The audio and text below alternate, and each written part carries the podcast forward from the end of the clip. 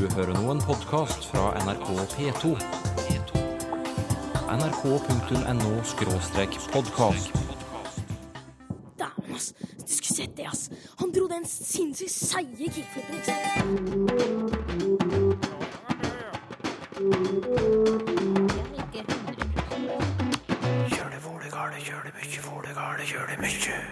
Storm rundt fransk stavereform. Vi får en generasjon med analfabeter, sier motstanderne. Et le résultat, c'est que nous sommes en train de former en partie une société d'analphabètes. Barn spør om språk. Jeg fant opp språk. Det starta nok på litt kjedelig vis, fordi folk rett og slett trengte å lage liste over hvor mye de eide. Og hvorfor sier vi 'misforstå meg rett'? Eh, Dette her er nok humoristisk.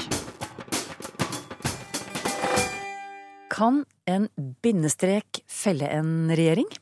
For 26 år siden ønsket franske myndigheter å forenkle rettskrivingen gjennom en stavereform, der bl.a. bindestreken skulle bort. Reformen skapte så mye rabalder at hele prosjektet ble lagt på is, og der har det blitt liggende. Men nå tas forslaget fram igjen, og språkkrigen blusser opp på nytt, rapporterer Johan Tolgert, som bor i Frankrike og har fulgt debatten. Han har andre møtt en av dem som i sin tid laget reformen. Nous étions, euh, avec mes collègues, nous étions prêts à attendre 30 ans. C'était c'était le. Oui, oui, c'était le. le- oui, oui. Redan när vi för 26 år sedan arbetade fram nya stavningsregler visste vi att det skulle bli bråk. I Språkkommisjonen rustade vi oss med tålamod og kraft.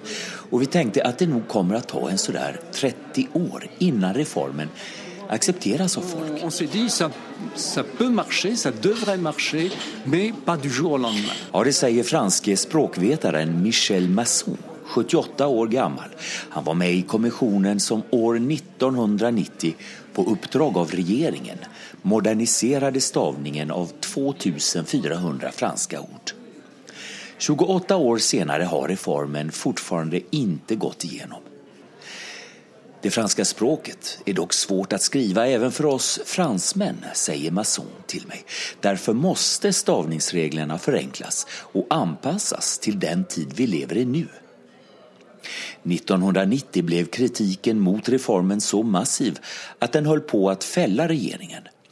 Nu, 2016, när man åter talar om att införa reformen har konflikten blossat upp igen. 25 ans. On était encore dans la foulée de 68, où des extrémistes voulaient, je dirais, supprimer complètement l'orthographe et faire quelque chose genre orthographe phonétique. Stavningsreglerna är utformade av en liten grupp extremister, tycker akademiledamoten Hélène Carrère-Tancos, och som är emot reformen. Opinionen vägrar att låta språket manipuleras och det känns tryggt, tycker hon. Dagens skolbarn kommer att bli analfabeter om reformen går igenom, säger hon till fransk tv.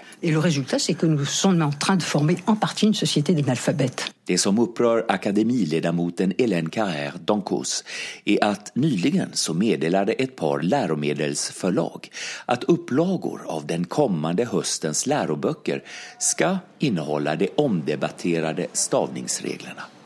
Så här tycker en lärare om detta. Marre. De nya stavningsreglerna kommer att innebära det vackra franska språkets dekadens. Jag hoppas att barnföräldrarna kommer att bojkotta inköp av de nya läroböckerna, säger läraren Xavier och viftar dramatiskt med armarna. Han vill inte säga sitt efternamn. C'est n'importe quoi qu'il faut que les profs prennent l'initiative de boycotter les, les manuels scolaires. Språkvetaren Michel Masson, som är før reformen, har främst arbetat som lärare i modern hebreiska och engelska under årens lopp. Vi träffas på ett café vid Sorbonne-universitetet i Paris. Masson tycker att många fransmän blir rent av hysteriska när de tar ställning mot reformen. Les Français sont très fiers, je crois, dans l'ensemble, de leur passé. Kritikerna har nog storhetsvansinne och drömmer sig tillbaka hundratals år i tiden då Frankrike var en stormakt, säger han. de grandeur euh, perdure. Masson berättar at den seneste store franske språkreformen lanserades for så lenge siden som 1835.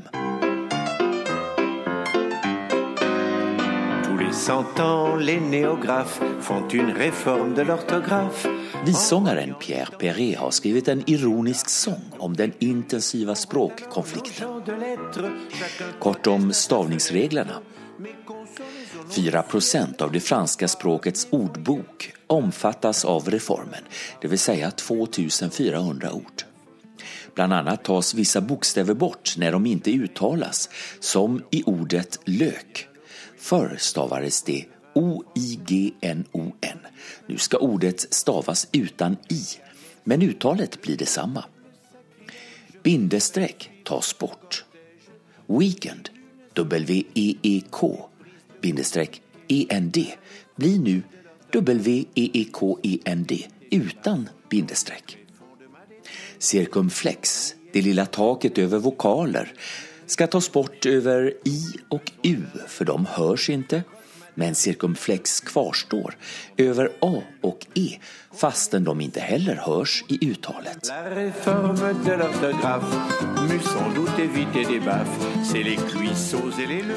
Debatten mellan de som är för eller emot språkreformen rasar bland människor i hemmet, i skolan eller på boulevarderna.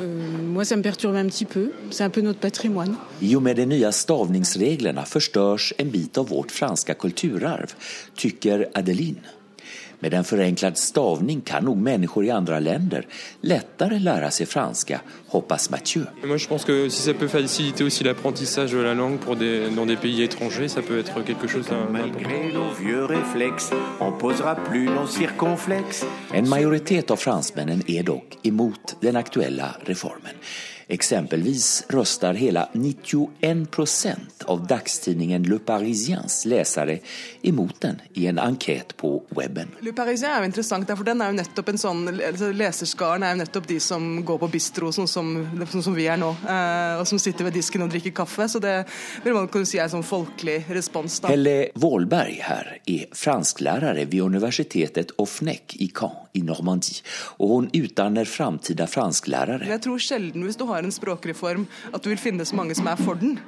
Eh, faktisk så fikk det til å tenke meg minne meg litt om en norsk reform som kom på midten av 90-tallet. Der bodde jeg eh, også i, allerede i Frankrike. da. Eh, men da husker jeg at da gikk debatten veldig på sånn latterliggjøring. at Skal man skrive champagne med SJ, og skal man skrive puck med ø og sånn. Eh, og det er klart, kanskje er dette enda sterkere på en måte i Frankrike, fordi at det er så sjelden man har eh, reformer av rettskrivningen. Hvis man ser på eh, franske språket på, fra 1600-tallet til i dag, så er det veldig små forskjeller. Årets nye læremiddelbøker kommer til å forses med en etikett om at det inneholder de nye stavningsreglene. Men kommer da verkligen reformen å gå gjennom efter 26 år? Protestene er minst sagt massiva igjen. Helle Wollberg på universitetet i Caen, hun tror så här. Altså, I den grad kommer å, det kommer til å komme lærebøker som eh, er skrevet etter den, så vil jeg jo tro. Eh, kanskje blir det litt sammenlignbart med sånn som eh, den reformen fra 90-tallet i, eh, i Norge. At et sånn Dagbladet skriver champagne med SJ, mens Aftenposten gjør det ikke. Altså At man vil da ha en sånn dobbel, eh, dobbel ortografi. Og det vil jo være ganske unikt i Frankrike. Men du tror ikke man skal modernisere stavningen? Ja, det kan man godt. Det spår fransklærer Helle Valberg. Og den franske undervisningsministeren har sagt at denne nye stavreformen ikke kommer til å bli obligatorisk. Reporter i Frankrike var Johan Tolgert.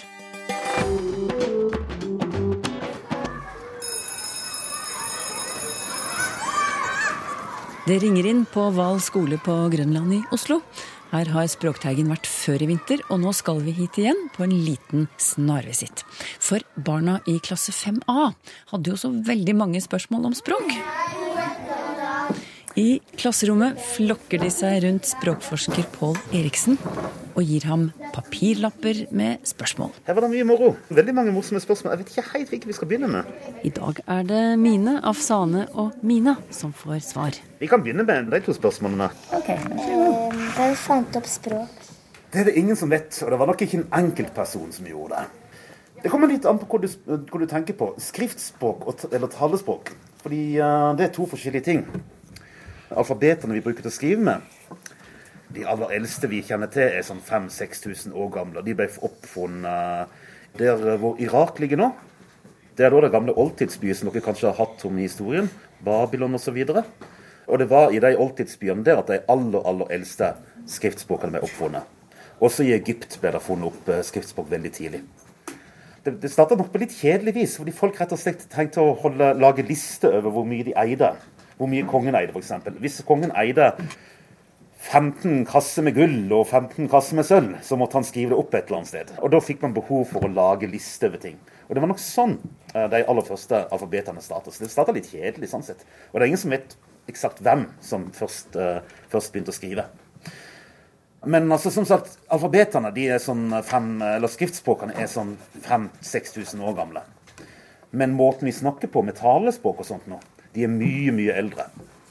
De er kanskje 100 000 eller 300 000 år gamle. Men uh, vi vet veldig veldig lite om hvordan det oppsto, uh, og når det skjedde osv. Så, videre. så det er et veldig stort mysterium. Det er noe som språkforskere veldig syns er veldig spennende å prøve å finne ut av, men det er veldig vanskelig også. Um, hvorfor har vi forskjellige språk i hele verden? Du kan tenke deg når de første menneskene uh, kom på jorda. De bodde på samme sted, og de snakka samme språk. Så er det en dag noen av de som flytter fra de bor i en dal et sted, f.eks. Og så er det noen som sier nei, vi vil over og bo i den andre dalen der borte. Ha det bra, så da reiser de til den andre dalen, og så får du etter hvert to stammer med mennesker. Noen som bor i en dal, noen som bor i en annen. Og etter hvert som de bor langt fra hverandre, så begynner de etter hvert å snakke mer og mer forskjellig fra hverandre. Til å begynne med så er det bare sånne småforskjeller. De kan fint forstå hverandre. Men det er noen småforskjeller. Fordi, no, fordi en måte å snakke på det syns de er finere i den ene dalen eh, enn de gjør i den andre dalen. Så etter hvert så får de to forskjellige dialekter. Og så blir det flere og flere forskjeller. Og til slutt blir det så mange forskjeller at de kan ikke forstå hverandre lenger. Og da snakker de ikke lenger to dialekter, da snakker de to forskjellige språk. Sånn har alle språkene på jorda oppstått. Det er fordi menneskene spredte seg utover jorda. Etter hvert så bodde de uh, flerfoldige tusen kilometer fra hverandre og hadde ikke kontakt med hverandre lenger. Og så begynte de å snakke mer og mer forskjellig. Så det var sånn det skjedde. For jeg lurer på om Mine hadde et spørsmål til. Ja. ja. Flott. Kom igjen. Hvor mange språk finnes det i hele verden? I hele verden så regner man med det finnes eh, i hvert fall 6000 språk. Kanskje mer, kanskje 7000 språk. Men veldig mange av de er veldig små språk. I Amazonasjungelen så finnes det små stammer som kanskje ikke har mer enn eh, 100 eller 200 mennesker som bor i en liten landsby, men de snakker et eget språk. Og Det finner du mange steder på kloden. Og Dessverre er det også så at veldig mange språk er i ferd med å dø ut. Og de språkene som dør ut, de har gjerne veldig veldig få personer igjen som snakker det. Så av og til så er det sånn at det kun er én person eller to personer igjen som snakker et språk. Det kan ha vært et språk som har vært veldig stort en gang i tida, men så har det vært i ferd med å dø ut fordi eksempel, det, det kan være en, et indianerfolk som uh, bor et eller annet sted, hvor alle indianere etter hvert har begynt å snakke engelsk eller spansk eller noe sånt i stedet. Og så har man etter hvert begynt å glemme det indianerspråket man snakker. Og til slutt så er det kanskje bare noen få gamle indianere igjen som snakker det. Men enn at det kan være et språk som bare én person snakker? Det må være mm. stusslig. Ja, har du ingen å snakke med? Da? Det er ofte litt trist, ja. Eh, dere har hørt om én indianer som uh, var den siste som kunne snakke sitt språk. Men han hadde en hund, og hunden den uh, forsto kommandoer på det indianerspråket. Så han snakka det språket med hunden sin.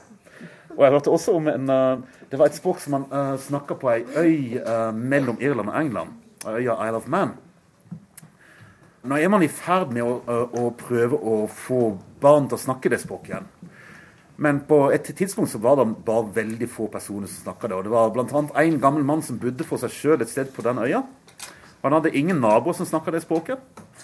Men hver dag han, da han kom hjem til gården sin, så gikk han i hønsehuset og snakka med alle hønene i hønsehuset på det språket. Så da hadde han i hvert fall noen å snakke med på, på det språket. For alle naboene snakka engelsk, så de kunne han bare snakke engelsk med. Det var språket Manx, som det heter, som uh, er fra øya Isle of Man mellom Irland og England. Ja, når bare hønene forstår hva du sier, da kan vi vel kalle et språk for truet. Det var barn i klasse 5A ved Val skole i Oslo som stilte spørsmål til språkforsker Pål Eriksen.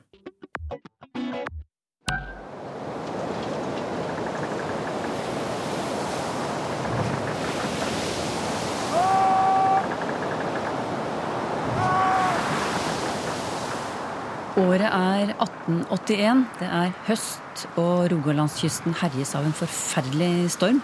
Ei jekt må gi tapt for uværet. Skipperen og den eldste sønnen hans på 17 drukner. Det er lytter Torunn Lehmann som forteller historien. Mannen i båten var oldefaren hennes. Og denne ulykken fant sted ved noen skjær som heter Kålsboen. Og nå vil Torunn gjerne vite hva Kålsboen betyr. Det kan du fortelle henne, navnegransker Inge Særheim? Ja, siste leddet er ordet båe, som blir uttalt boe i dette området. Og det ordet er brukt om en grunne som ligger helt i vannskorpa, eller i sjømålet. Så boene er veldig farlige, farlige grunner. Første leddet er trolig ordet koll, betyr knause eller fjellknoll, som da er brukt om denne grunnen. Og en finner lignende navn eh, f.eks. på Karmøyna, Kodleboen og Kodlafluene. Flu betyr en grunne som ligger litt, litt lågere enn en, en båe, men òg rett under vannsflata. Og en finner ordet koll flere plasser brukt om eh, ja, det en kan kalle høgdeformasjoner i sjøen. Kodlen f.eks. på Siragrunnen. Kollen flere plasser. Men du har visst stedsnavn med andre ord for eh, grunner og skjær? Ja, det er veldig mange forskjellige ord for grunnaskjær. Eh, skalle, for eksempel. Hause, sloe, bolle, Flæe. klakk, mål, raun, rev, skat, snak, torve osv. Men de finner vi altså igjen i ulike navn på skjær og lignende? Ja, fiskerne har hatt eh, behov for å skille veldig nøye mellom ulike lokaliteter, og er veldig presise i i navngjeng på sjø, navngjeng av grunner. Disse navnene du har nevnt nå, de beskriver terrenget på og i sjøen som ja, knauser og grunner f.eks. Men så sier du at mange grunner og farlige skjær har fått navn etter egenskaper. Hva handler det om da? Ja, det er mange navn på, på sjøen som ikke inneholder et sånn terrengskildrende ord. Altså De forteller ikke hva type terreng det er. De forteller bare om en egenskap, et særdrag, så det er viktig å kjenne til for båtførere. Og de kan f.eks. gi uttrykk for bølger som bryter, sprette, f.eks. springeren, det er en grunne som bryter uten varsel, sprøtta, sjøsprøyt, altså dynamiske krefter i sjøen. Men hvordan, hvordan har de konstruert eh, disse navnene? Var de liksom brukt for å, for å lage dem? Ja, ofte er det synsinntrykk, altså hvordan det ser ut. Fakse og faksen heter for eksempel grunner som ligger langt ute i sjøen, der det er voldsomme brudd. Altså, ordet faks sikter her til skumsprut, og det er ordet faks som betyr man på hest, som der ligger føre. Ellers kan det være lydinntrykket. For eksempel grunnene kan hete smeddel, eller skrapende, skytteren, skiteren brakjen etter mye havbrak. Eller det kan være de mer dynamiske sidene, altså krafta i, i bølgeslaget, knokene, skjevlingen, den som lager skavl, altså store bølger, kniven, stikkeren, og dyrenevnet oksafoten, for eksempel, Port, porthunden. Men hvor, hvorfor har eh, disse skjærene og disse ulumskhetene da fått navn på denne måten? Hva var vitsen med det? Ja, Det er nå for å advare båtførerne. Be de om å, å være på vakt, nærmest. Altså, en, en skal lytte til, til naturen, lytte til lyden av, av brådet, bølgebrådet. En skal holde avstand til grunner og skjær som har sånne navn. Noen grunner er veldig farlige, de trekker båtene til seg når, når de bryter. Så, så, mange av disse navnene er eh, helt klart knyttet til ferdsel på området, og det, det kan være veldig farlig på, på sjøen. Fortalte navnegransker Inge Sarheim, som er professor ved Universitetet i Stavanger. Det blir kveld, og så blir det morgenkveld, og så blir det enda en kveld, hvis ikke jeg blir klein. Er du klar for et knippe lytterspørsmål, Toril Oppsal? Vet du hva, det er jeg. Bra. Du, det første kommer fra Reidar Hage, som skriver om et uttrykk han ofte hører og leser. Misforstå meg rett. Det må da bety at vedkommende vil at vi skal misforstå ham eller henne, sier Reidar Hage. Men hvem er det som ønsker å bli misforstått? Jeg forstår ikke uttrykket. Eh, Reidar Hage har eh, funnet fram til en sammenblanding av forstå meg rett og ikke misforstå meg, eller misforstå meg ikke. Disse er her blanda sammen, men antagelig på en bevisst måte.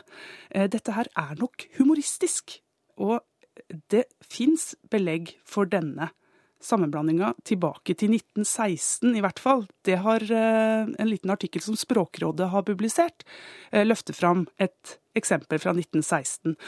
Og dette handler om en hverdagslig og humoristisk stil der det er helt greit å bruke misforstå meg rett. Eh, men i mer formelle sammenhenger så anbefaler faktisk Språkrådet her å bruke misforstå meg ikke, som Reidar Hage også ville gjøre. Men hvis du vil være humoristisk, så får du lov å misforstå meg rett. Eh, jeg eh, er eh, sjøl en som bruker dette uttrykket veldig ofte, og kanskje litt for ofte. Men ja, ja det var interessant å, å, grave litt og finne ut at det er, det er eldre enn jeg trodde.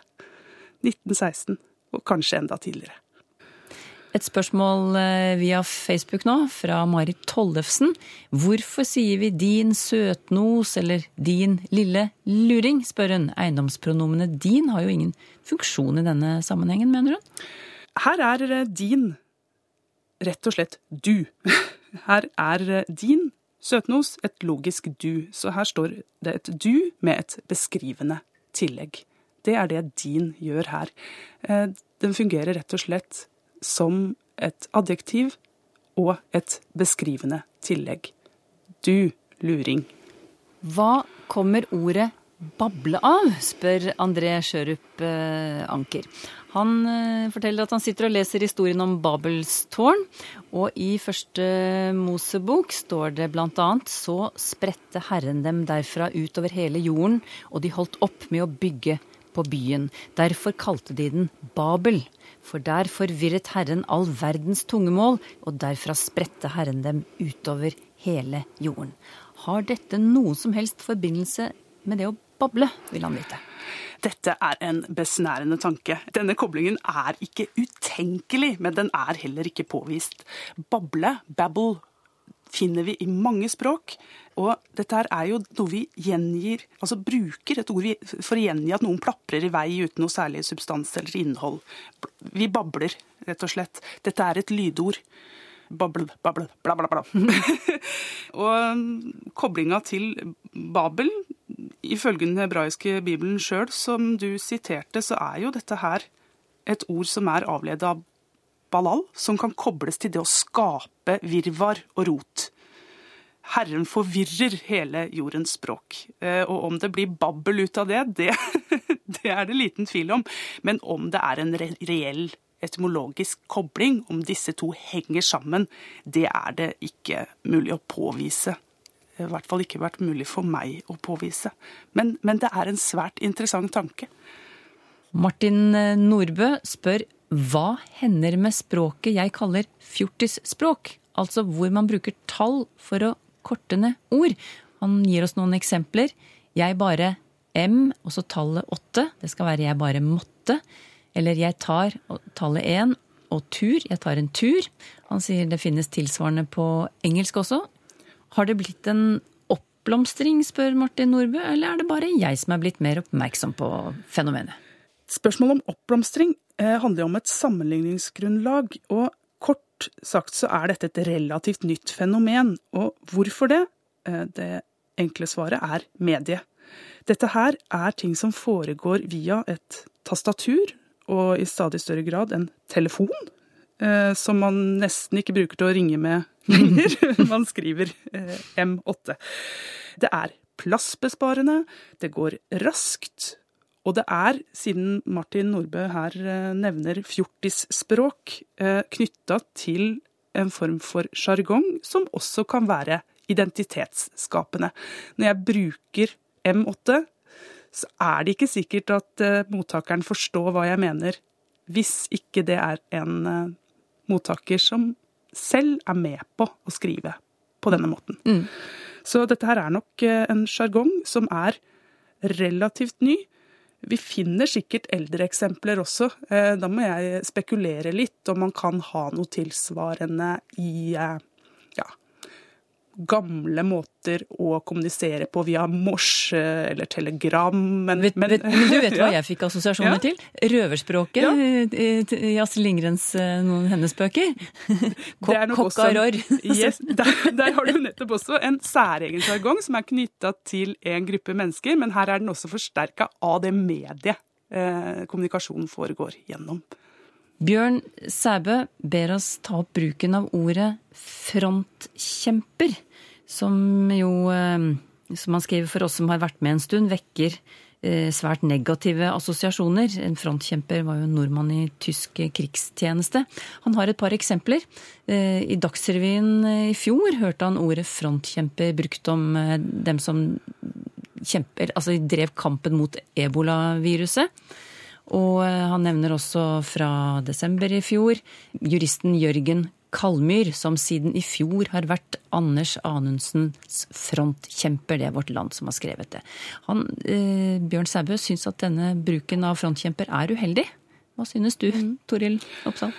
Eh, De eh, vanlige håndordbøkene våre, eh, bokmålsordboka nynorskordboka, har den betydningen som Bjørn Sæbø trekker fram.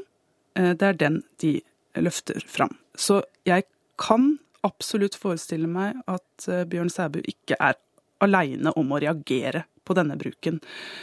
Men samtidig så er en kjemper, hvis vi tar utgangspunkt i det leddet, en som er med å kjempe. Og dette ordet inngår i en rekke sammensetninger som frihetskjemper, fredskjemper. Og det disse eksemplene eh, lytteren eh, nevner, kanskje er, er eh, forsøk, altså et forsøk på å bruke dette som en spesifisering og en form for ja, beskrivelse av det å være i front og være en form for, for å bruke en, ja, en, en annen variant, en fotsoldat. Eh, Men det fins alternativer, og noen vil reagere, og noen vil da også finne støtte i at dette er den primære betydningen. Så eh, jeg kan forstå at noen bruker frontkjemper på denne nye måten som Bjørn Sæbø nevner, men kanskje de nok ja, bør vurdere alternativer. Har du spørsmål til Språkteigen? Skriv til Teigen, krøllalfa nrk.no, eller til Språkteigen, NRK P2, 7005, Trondheim. Så finner du oss også på Twitter og på Facebook.